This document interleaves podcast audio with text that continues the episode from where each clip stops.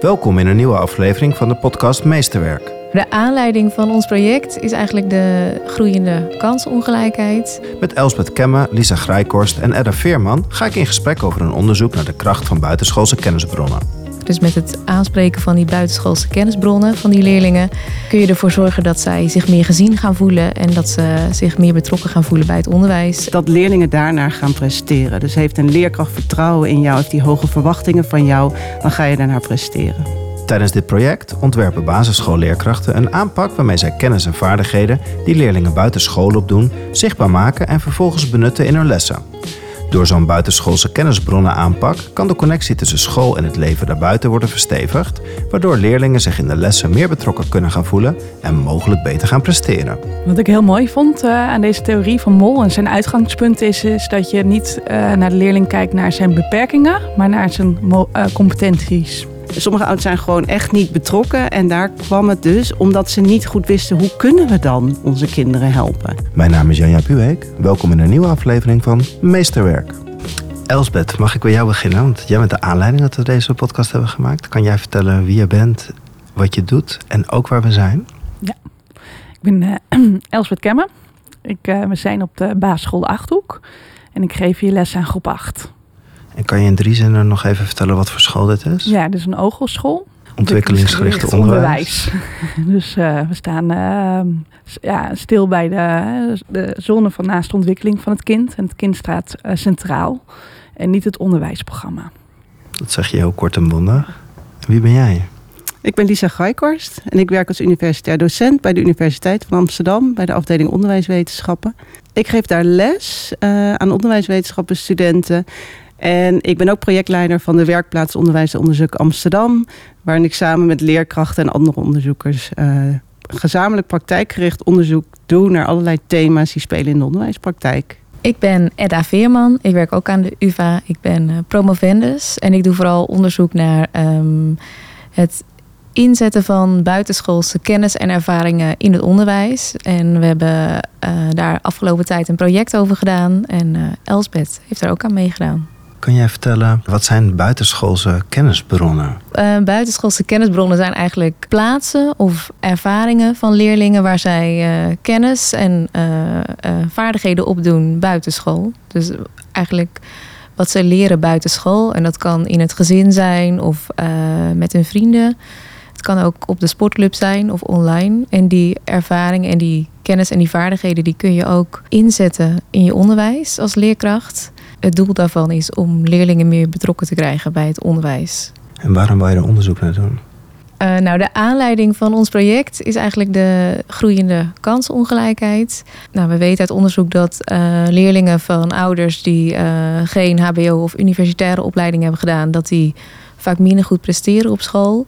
en ook kinderen uit migrantengezinnen, dat zij minder goed presteren. En ook dat ze vaak minder gemotiveerd zijn en minder zelfvertrouwen hebben. En vaak denken leerkrachten onbewust over dat, soort leerlingen in, in termen van tekorten. Over leerlingen met een migratieachtergrond die andere thuistaal spreken, wordt vaak uh, gepraat in termen van taalachterstanden bijvoorbeeld. Of over leerlingen die in wat minder welvarende buurten wonen, wordt gezegd. Uh, dat ze minder van huis uit meekrijgen, dat ze geen bagage meekrijgen van huis. En hierdoor hebben ze ook uh, lagere verwachtingen van die, uh, van die leerlingen. Ja, met een buitenschoolse kennisaanpak, dus met het aanspreken van die buitenschoolse kennisbronnen van die leerlingen, kun je ervoor zorgen dat zij zich meer gezien gaan voelen en dat ze zich meer betrokken gaan voelen bij het onderwijs en dat ze ook meer zelfvertrouwen krijgen. Elsbeth, dit klinkt als buitenschools is het leven. OGO-onderwijs, zeg je net, hè? aansluiten bij de naaste zone van ontwikkeling. Ik weet dat jullie geen tot weinig methodes echt gebruiken om te volgen. Jullie maken gebruik van het echte leven. Even in relatie, waarom doe je onderzoek naar buitenschools leren als dat de kern is of de kern van de visie van jullie onderwijs is? Ja, uh, dat is een goed punt. Nou, we zijn uh, als school aangesloten aan dit project om mee te doen. En uh, je wordt bevestigd wat, je in je eigen, wat ik in mijn onderwijspraktijk aan het doen ben. En dat het zinvol is. En ik denk, die bevestiging is ook weer fijn om te hebben. En om te kijken in het project van... Hey, hoe kunnen we de opdrachten die hieraan uh, ontstaan zijn... hoe kunnen we dat ook weer kaderen in het uh, oogonderwijs? misschien aan jou de vraag.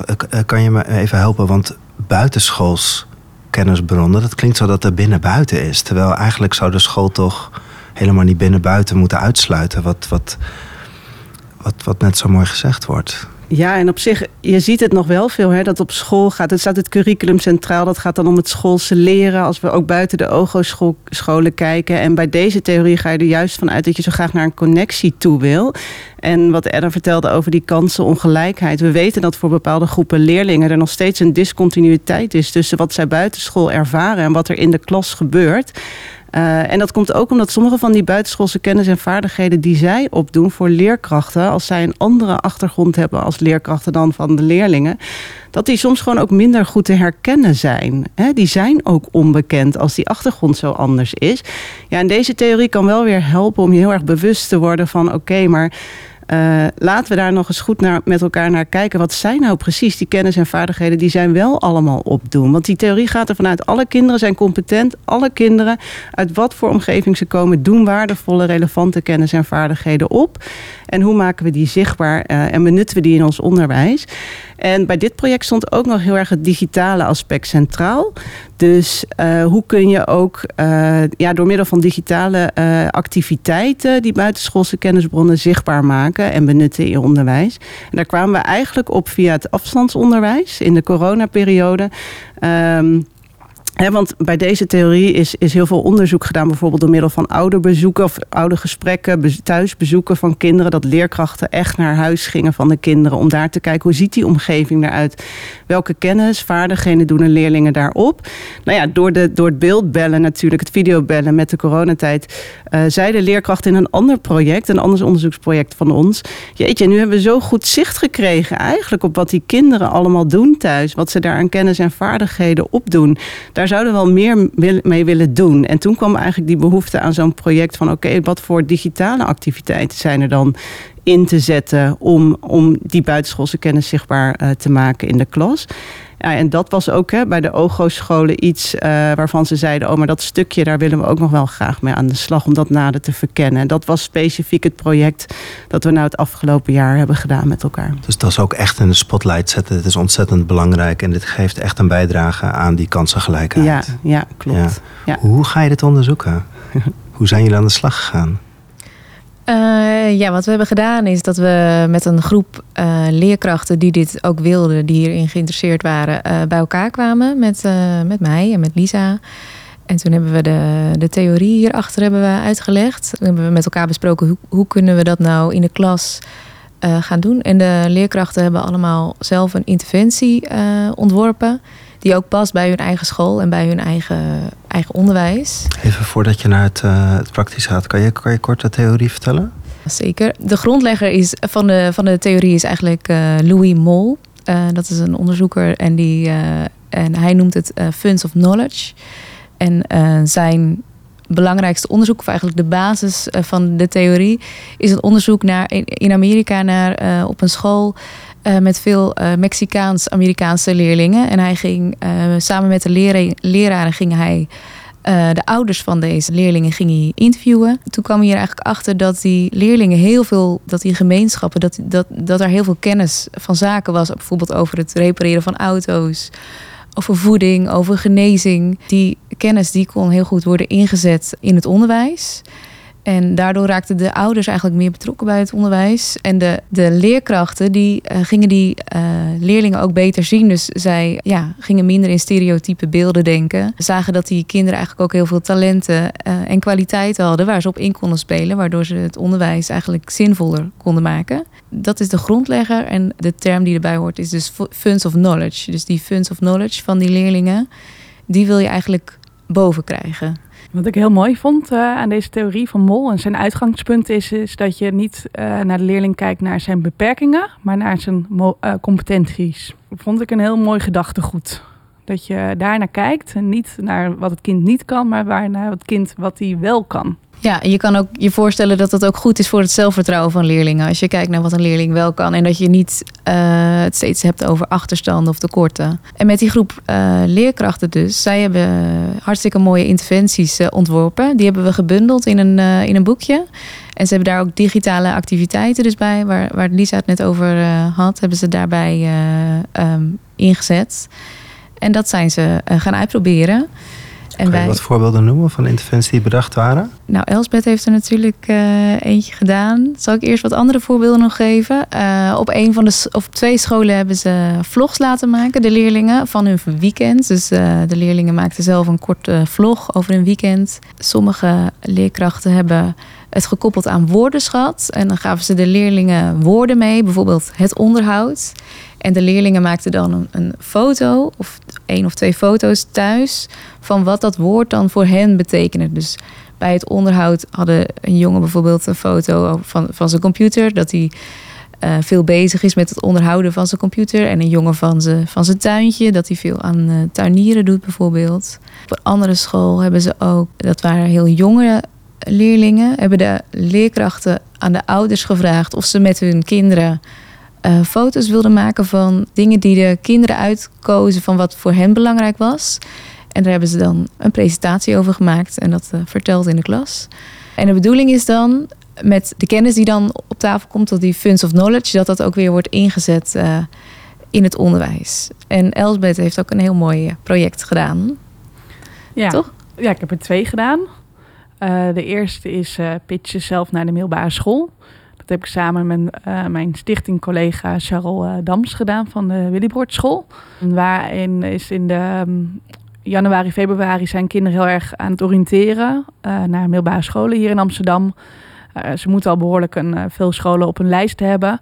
Maar de opdracht gegeven van wat heb jij in huis dat die school jou zou willen hebben. Op een gegeven moment hebben ze wel door van... hé, hey, dit is wel de school waar ik graag naartoe wil. En dat ze daarin zijn gaan kijken van... nou, echt een pitch voor die school. En het leuke daaraan was... we hebben het, eh, het waren twee à drie minuten pitches in de klas. En dat het in de klas...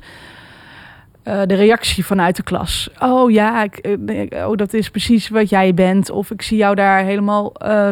zo herken ik je ook in de klas. Sommige kinderen werden eigenlijk meer bewust van: hey, eigenlijk, ehm, dit heb, oh, eh, hier ben ik vaardig in of eh, hier ben ik goed in.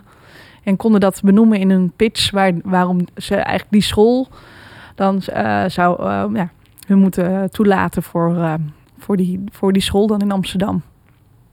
Ja, dan, maar dan ben je nog afhankelijk van het lotingssysteem. Maar oké. Ja. Het is wel eigenlijk, het was wel heel leuk. Wat de reacties van de leerlingen naar elkaar toe. Dus echt Ja. in de groep en samen. Ja, Dat ze van elkaar ook zien, hè? Ja. Van daar ben je inderdaad vaardig in. Ja. Het tweede- het tweede project, dat heb ik dan alleen eh, gedaan. eh, dat was de podcast eh, met de overstap. eh, ik bedoel, ehm, met de carrière dat ze een eh, familielid hadden ingeviewd.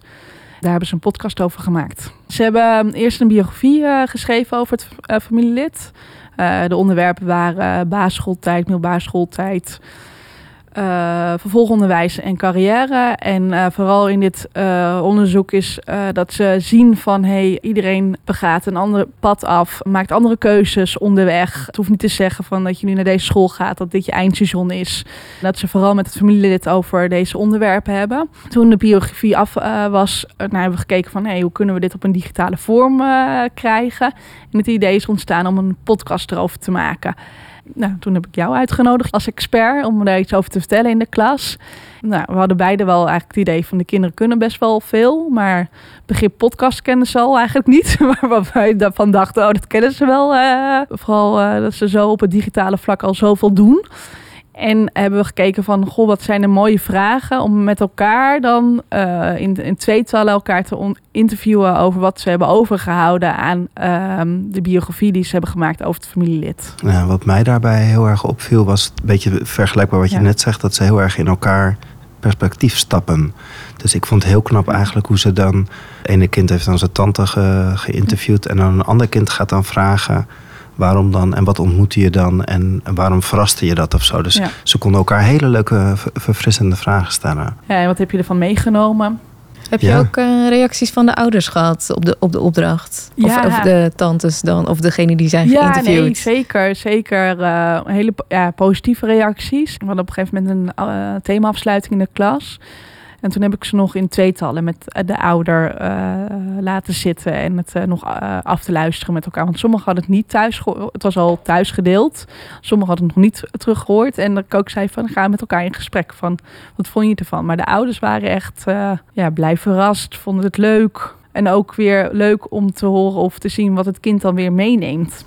Ja. Wat is blijven hangen tijdens het interview.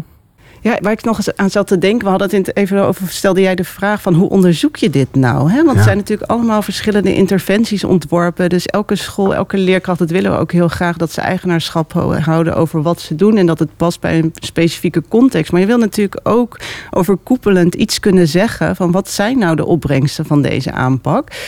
Ehm, nou, dus wat we hebben gedaan, hè, als je nu kijkt naar gelijke kansen aanpakken, dan worden er heel veel verschillende aanpakken allemaal bedacht en ontwikkeld eh, en vormgegeven in scholen. En die zijn dus heel vaak gericht op ja, hoe verkleinen we nou achterstanden van kinderen. En dan wordt er veelal ook gekeken naar leerprestaties. Dus eh, bijvoorbeeld een kind inderdaad heeft een achterstand in de Nederlandse schooltaal. Dus gewoon heel veel oefenen. En dan gaan we kijken, hè, na dat altijd oefenen, eh, zijn dan die taalachterstanden eigenlijk verkleind door die aanpak. Nou, bij deze aanpak zijn we heel erg uitgegaan van wat kunnen kinderen dus al wel, hoe kunnen we dat een plek geven in de klas. En toen hebben we eigenlijk bedacht, we gaan niet inzetten zozeer op die leerprestaties, maar we gaan heel erg kijken naar variabelen, sociale variabelen, waarvan we weten dat ze dus heel erg belangrijk zijn voor de ontwikkeling van kinderen aan zich. Hè. Bijvoorbeeld zelfvertrouwen van kinderen hebben we naar gekeken. Maar ook hebben zij nou vertrouwen dat zij kunnen groeien, dat ze kunnen leren. Dus vanuit een groeimindset hebben we gekeken. Eh, motivatie, betrokkenheid bij school. Dus dat zijn allemaal variabelen die aan zich van belang zijn voor een gezonde, een goede ontwikkeling van kinderen. Maar ze zijn ook voorwaardelijk voor leren. Want als een kind zelfvertrouwen ontwikkelt, dan hè, kan die ook eh, het beter doen op school. Dus daar hebben we naar gekeken. En dat hebben we zowel eh, voorafgaand aan de aanpak hebben gemeten met een vragenlijst bij alle kinderen die hebben deelgenomen aan de aanpak. En eh, na afloop ook eh, hebben we opnieuw een vragenlijst afgenomen. Er waren wel een aantal kinderen uit de lage groepen die die vragenlijst nog niet in konden vullen. Dus die hebben we geobserveerd, meerdere momenten. Uh, en we hebben ook bedacht, we willen ook dieper gaan kijken naar... oké, en als we dan uiteindelijk een, een groei vinden, waar ligt het dat aan? Dus we zijn ook leerkrachten gaan bevragen, en met interviews en leerlingen ook... om, uh, om daar beter, uh, beter zicht op te kunnen krijgen. En dat hebben we eigenlijk in onze vorige projecten ook allemaal op die manier gedaan. Dus dat je overkoepelend iets kunt zeggen over, over de opbrengsten van zo'n aanpak. En ook de werkzame mechanismen daar dan in. Nou we hebben hier een boekje van Monique Volman en Judith het Gilde. Ze hebben natuurlijk ook een project gedaan naar buitenschoolse kennisbronnen... waarin ze ook heel, heel veel positief ervaren effecten vinden. Hè? Dat leerkrachten en leerlingen aangeven dat het zoveel doet... voor het zelfvertrouwen van leerlingen. Nou, wat Elsbeth ook al zei, dat kinderen zich prettiger gaan voelen in de klas... omdat ze elkaar beter leren kennen, van elkaar horen... waar, waar ze goed in zijn eigenlijk en elkaar daarom kunnen erkennen, waarderen... Nou ja, wij zijn op dit moment voor het nieuwste project met de digitale activiteiten. Hebben we net de dataverzameling afgerond, Anna. Dus uh, gaan we heel druk, uh, druk aan het analyseren. Ja, we gaan aan de, aan de slag ermee. Ja. En kan je al iets zeggen over de uitkomst van het onderzoek? Of is dat echt veel te vroeg? Ja, het is nog wel, uh, nog wel vroeg. Wat we wel zien is dat op de ontwikkelingsgerichte onderwijsscholen... dat daar het effect eigenlijk kleiner is. Omdat, omdat de leerkrachten al gewend zijn zo te werken. Uh, dus voor ons is het wel heel fijn dat zij meedoen, omdat we dan, uh, omdat zij ook goede ideeën erover hebben, er ervaring mee hebben, dan kunnen we dat weer delen. De effecten lijken groter te zijn op de scholen voor, bij de leerkrachten voor wie het nieuw is. Dus, ja, want wat voor scholen zijn dat dan? Er doen een aantal Montessori-scholen mee en een aantal uh, regulier onderwijs. Het komt zo logisch op mij over dat je aansluit bij het kind, dat je ze thuis meeneemt, dat je de ouders betrekt, dat je vanuit daar kijkt wie het kind is en wat hij nodig heeft. Gewoon wereldgericht onderwijs, las ik in ieder geval. Ja, het dus, zit in het DNA van de OGO-leerkracht, hè? Ja. ja. Dus ja, want, uh, met reguliere scholen dan zit ik al meteen te denken, ja, die besteden aandacht. Onderwijsprogramma, onderwijsprogramma. Ik moet het mijn onderwijsprogramma afdraaien. Ja, dan heb je gewoon bestaande lesmethoden. Ja. En dan vraagt het dus iets extra's. Als je daar de buitenschoolse kennis en vaardigheden van jouw leerlingen in wilt verweven. Dus dan uh, ja, moet je echt iets extra's doen als, als leerkracht. En dat hoorden we ook wel terug. Hè? Ja, dan uh, voelt het voor de leerkracht al snel van het is een, een extra. We moeten al zoveel doen, uh, rekenen taal. En dan komt dit er nog bij. En, en dan heet het dus buitenschools. Het heet eigenlijk buitenschools, omdat je die buitenschoolse ervaringen binnen de school krijgt. Ja, dus dat er echt een muur tussen. Ja, ja, ik weet, ja jij zegt het. ja, het zit een oordeel hè, voor mij onder. Dat moet ik uitstellen. ja, maar ik vind het zo wonderlijk dat je, dat je er zo geïsoleerd kan het leren vorm wil geven. Dat het zo input-output gedacht is. Terwijl, terwijl het moet gaan over de echte wereld. Ja, het ja. circulaire. Ja, maar wat ik, wat ik een vorig project ook over hetzelfde onderwerp... wat, uh, wat die leerkrachten uh, meegaven toen ze dit een tijdje hadden gedaan... is dat ze ook spontaner les zijn gaan geven. En tegenwoordig hebben we natuurlijk zoveel doelen die moeten worden bereikt en basisvaardigheden die natuurlijk ook belangrijk zijn. Maar de leerkracht moet heel veel. En dit is dan een manier ook, het is een manier van kijken eigenlijk naar de, naar de leerling. Dat je het eigen initiatief van de, van de leerling, dat je daar open voor staat en dat je daar interesse in hebt en dat je daarop reageert. En leerkrachten vinden dat vaak heel fijn, want dat past heel erg bij hun vak natuurlijk. En misschien is dat ook een stukje vakmanschap wat ja, wat misschien ook een beetje van ze is afgenomen door al die uh, regels en alles wat moet. Voor jou klinkt het heel logisch. Maar ik denk dat dat voor heel veel leerkrachten op het moment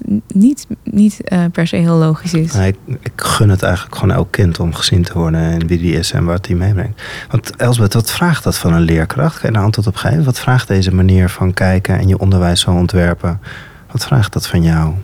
Ja, kijk, het voelde voor mij niet um, als een extra vraag, dit project. Want ik heb echt binnen mijn thema's gekeken van... hey, hoe kan ik dit uh, voor jullie kaderen? Het zijn twee bestaande opdrachten al die ik uh, doe binnen mijn thema's.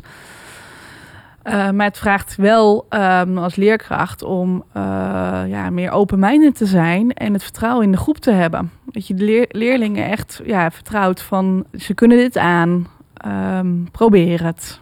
Uh, kijk, uh, je mag ja, vallen en staan. Dat is ook natuurlijk onderwijs. En um, het vraagt zelf als leerkracht je rol om echt als een begeleider te zijn. Uh, om ze te ja, of feedback terug te geven in, de proces, in het proces wat ze aan het doen zijn. Uiteindelijk doen de leerlingen het. En dan even op het stukje van we moeten veel en je, je hebt misschien ook wel wat te verantwoorden. In hoeverre hoe, hoe doe jij dat? Hoe, hoe zorg jij dat je ook aan de kerndoelen voldoet? Of dat je de voortgang van elk individu kind in, in de smiezen hebt? Hoe hou jij overzicht over die voortgang? Terwijl je dus eigenlijk al die die thuissituaties en die motivatie van dat kind en wat hij ook kan meeneemt. En met een start van het thema kijken we altijd welke doelen we gaan behandelen en welke onderwerpen. We hebben gewoon echt uh, een, een jaaroverzicht waar we moeten kijken van goh, deze uh, onderwerpen moet ik gewoon aanbieden. En dat tijdens de thema's evalueer je dat, kijk je of je dat hebt aangeboden. Dat neem je weer mee in je volgend thema. Dus zo heb je het overzicht van bied ik echt alles aan wat uh, aangeboden moet worden.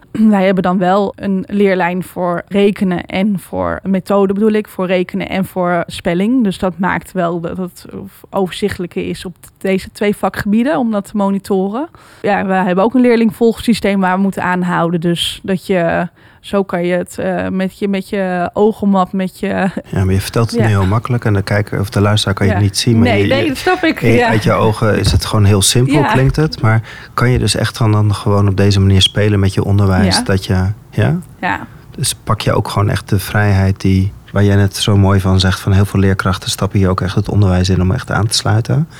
Heeft het ook gewoon een stuk meesterschap te maken, zoals net gezegd werd? Ik heb echt geleerd door het oogonderwijs dat je echt dat je veel vrijer je onderwijs in kan richten. En dat je de leerlingen zijn een groep met elkaar, ze leren in een groep met elkaar. Dat dat uh, wat je ze ja, dat je daar wel. Dat is echt wel mijn. Um, ik kwam vanuit een, ook een regulier uh, school waar methodes werden gegeven en noem maar op. En ik heb je echt wel hier gezien van, hé, hey, dit kan je gewoon eigenlijk, kan je het loslaten, die methodes. Je biedt, ze, zijn, ze leren veel meer aan de dingen die je ze aanbiedt door die kennisbronnen aan te, ja, te bieden binnen bepaalde thema's. Het vraagt dan misschien ook een open houding. Ja, een open houding. En dat flexibel. Ja, ja, en dat je ja, open houding, flexibel, uh, vertrouwen hebben in de leerlingen. Um, durven te, nou, ook weer durven te, te vallen, te staan, te evalueren, weer terug te kijken. Wat zou ik de volgende keer weer doen? Ik heb de pitchopdracht heb ik vorig jaar ook gedaan. En ik heb hem nu van, vanaf vorig jaar heb ik hem geëvalueerd eigenlijk. En gekeken van, hey, hoe kan ik hem digitaler aanbieden? Hoe kan ik hem meer kaderen? Voor volgend jaar met de podcast is eigenlijk, dat heb ik ook beschreven in mijn logboek uh, voor dit project. Uh, en ook uh, op de funskaart, is het heel leuk om de, dat de kinderen het zelf gaan editen. Dat je ze veel meer betrokken maakt in het proces. Of op TikTok gaat. Ja, dat kan ook op dat TikTok. kennen ze ja, ja, dat kan ook. Allemaal. Dat er geen podcast ervan maakt, maar een TikTok, uh, ja. Even terug naar die leerkracht. Wat, wat zie je nou vanuit het onderzoek waar het onderwijs wat mee kan? Waar kunnen leerkrachten die hier naar luisteren wat mee? Of scholen of directies of schoolteams? Zijn er al lichtpuntjes? Ja, we zien wel bijvoorbeeld, hè, hier hoor je een leerkracht, die, daar zit het al heel erg in haar DNA eigenlijk om op deze manier te werken. Maar dat betekent niet dat het voor andere leerkrachten op andere scholen uh, niet zou kunnen. We hebben in de projecten gezien dat bijvoorbeeld uh, leerkrachten zijn begonnen met hele gestructureerde, vooraf geplande, bedachte opdrachten. En daar hebben we ook voorbeelden van. Die hebben we gebundeld in een boekje en hebben we de funskaarten genoemd. En als leerkrachten daar dan een tijdje mee werken, merk je dat het echt een houding gaat worden. Ja, waar Elsbeth het ook al over heeft. Een open houding waarin je flexibel bent en spontaan kunt reageren eigenlijk op wat er in de klas gebeurt. Om die buitenschoolse kennisbronnen zichtbaar te maken en te benutten. Um, dus daarin kan je ook als, als leerkracht, ook al ben je niet gewend en zit je niet in een omgeving waar, dat, uh, waar er op die manier gewerkt wordt, uh, kun je daar wel in ontwikkelen om dat te doen. En kun je het ook inpassen, ook in traditionelere uh, scholen, zeg maar, manieren van werken. Dat leerkrachten bijvoorbeeld bij thematisch werken, bij wereldoriëntatie hiermee aan de slag gingen.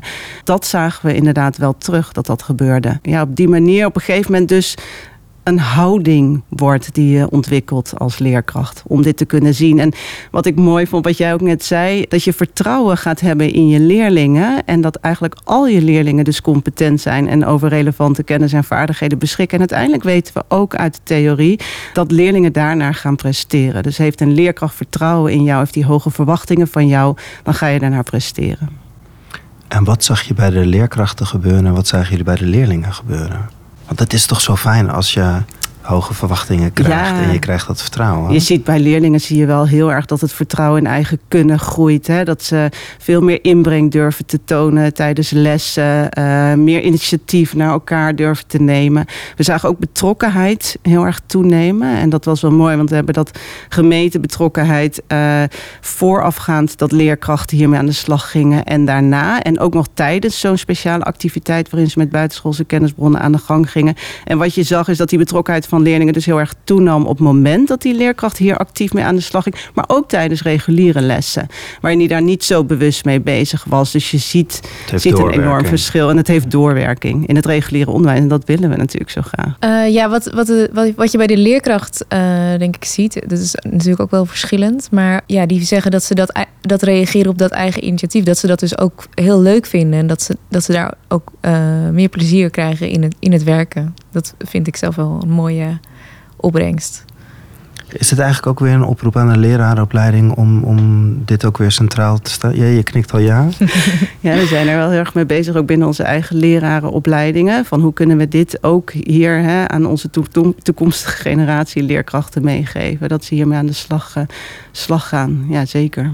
Ik heb zelf ook in het onderwijs gewerkt. En het is heel fijn als je zelf, tenminste dat was voor mij zo heel fijn als je zelf de vrijheid hebt om ook je eigen onderwijs een beetje vorm te geven en uh, in te richten. En ik denk dat dit een mooie manier is. En als je het opgelegd krijgt van je moet dit lesprogramma afwerken, ja, dat, dat is natuurlijk niet, ja, dat, dat doet een leraar eigenlijk tekort, omdat je daar ook voor opgeleid bent. Even terug naar kansenongelijkheid. Als je kijkt naar veel, naar de coronamaatregelen, naar de, de extra gelden die er zijn. Uh, de huidige minister die zegt uh, leeropbrengsten meetbaar, uh, input-output gedachte zit daar nog steeds achter. Jullie komen hier met een onderzoek waarin je eigenlijk gewoon zegt: alsjeblieft, zet dat kind daar in het midden, vertrek daar, geef hem vertrouwen, geef hem hoge verwachtingen. Zoveel onderzoeken wijzen daarop. Is dit niet gewoon een veel belangrijker thema om hier volop in te zetten in plaats van sec op PISA-scores, taal, rekenen, opbrengsten? Ja, ik denk het wel. Ik denk wel dat het allebei uh, belangrijk is. Maar als je ook kijkt naar de ontwikkeling van taalvaardigheid en lezen, leesontwikkeling, dan heb je ook juist die kennis van de wereld nodig. Uh, omdat je dan ja, een betere woordenschat hebt, de, de teksten beter begrijpt, meer interesse hebt in dingen, uh, meer leesplezier hebt. Dus ik denk dat het heel belangrijk is dat, dat die andere kant, dus niet alleen die meetbaarheid, maar inderdaad ook het kind centraal stellen, dat dat, uh, dat, dat ook aandacht krijgt. Wordt dat ook ondersteund door de ouders? Ja, zeker. Nou ja, weet je, um, als je bijvoorbeeld kijkt naar die, die taal hè, van kinderen en die meertalige achtergronden. Um, we hebben dat, dat gezien en ook van een, een van onze projecten. Dat je heel erg kunt uitgaan natuurlijk van wat kunnen ze nog niet in de Nederlandse school. Daar gaan we voor oefenen. Maar als je uitgaat van buitenschoolse kennis, dan zie je natuurlijk meertaligheid echt als een ja, bron. Dat is, dat is een, een waarde die je hebt. Want je beheerst dan een andere taal dan het Nederlands heel goed. Dus hoe kun je dat inzetten in, in, in de klas? Maar ook hoe kun je samenwerking met ouders daarin realiseren. En dan zie je dus op het moment, we hadden daar een aanpak ontwikkeld waarbij kinderen in hun thuistaal uh, woorden gingen oefenen, ook vanuit de schoolmethode met hun ouders. En dat mocht in de voorkeurstaal. En dan zie je dat ouders, ook het vertrouwen van ouders heel erg groeit. Dat zij het gevoel hebben dat ze eigenlijk een waardevolle bijdrage kunnen leveren aan de schoolloopbaan van hun kinderen. Ja, en we weten ook dat dat ontzettend effectief is als ouders dat gevoel hebben dat ze dat kunnen doen. Ja, en dat zagen we, zagen we gelijk gebeuren. Dus dat je dan ook nog wel vaak hoort van ja, maar ouders, sommige ouders zijn gewoon echt niet betrokken. En daar kwam het dus omdat ze niet goed wisten hoe kunnen we dan onze kinderen helpen.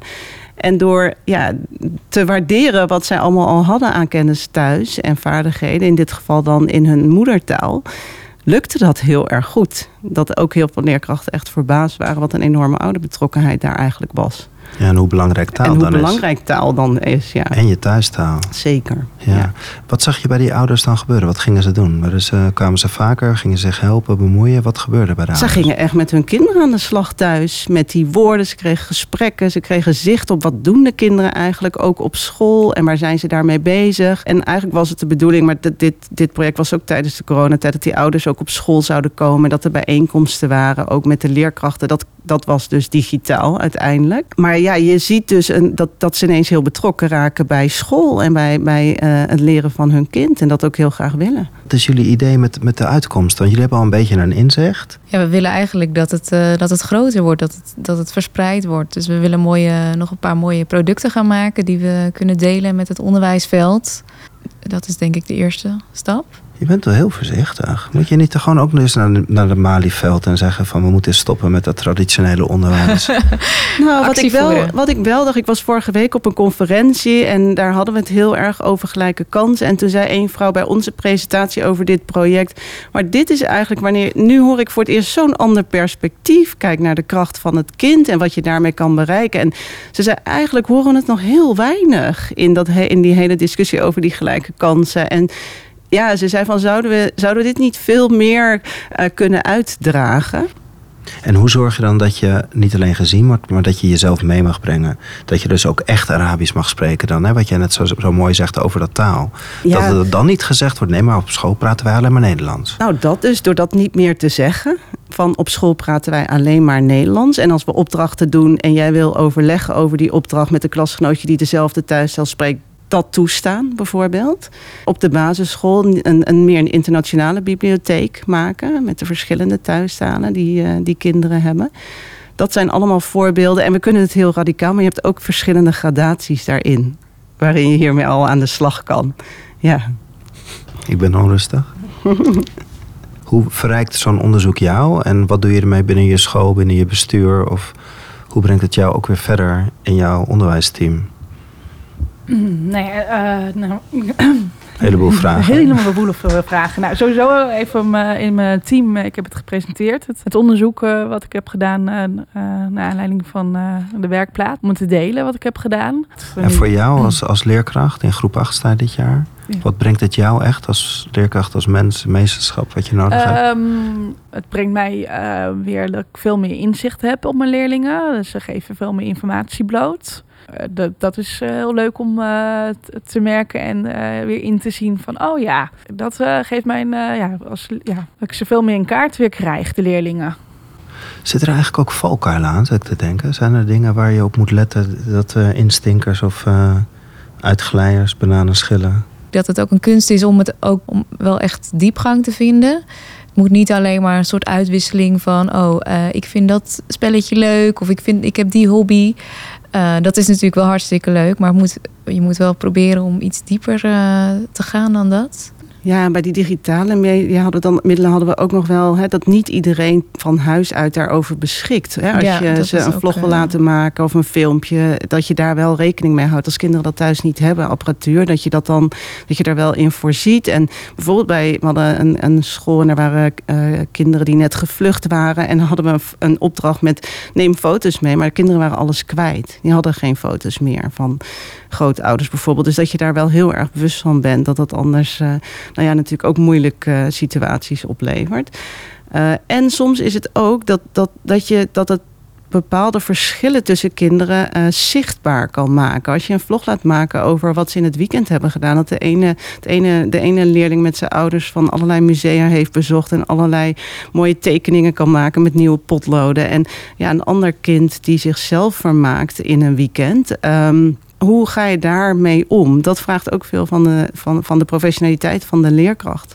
Wat doe je daar dan vervolgens mee in de Ja, klas? want het kan natuurlijk ook allerlei reacties eh, oproepen in zo'n klas. Als je, als je zo'n vlog bekijkt. Dus de, de leerkracht moet dat wel goed, goed kunnen begeleiden. Ja, zeker.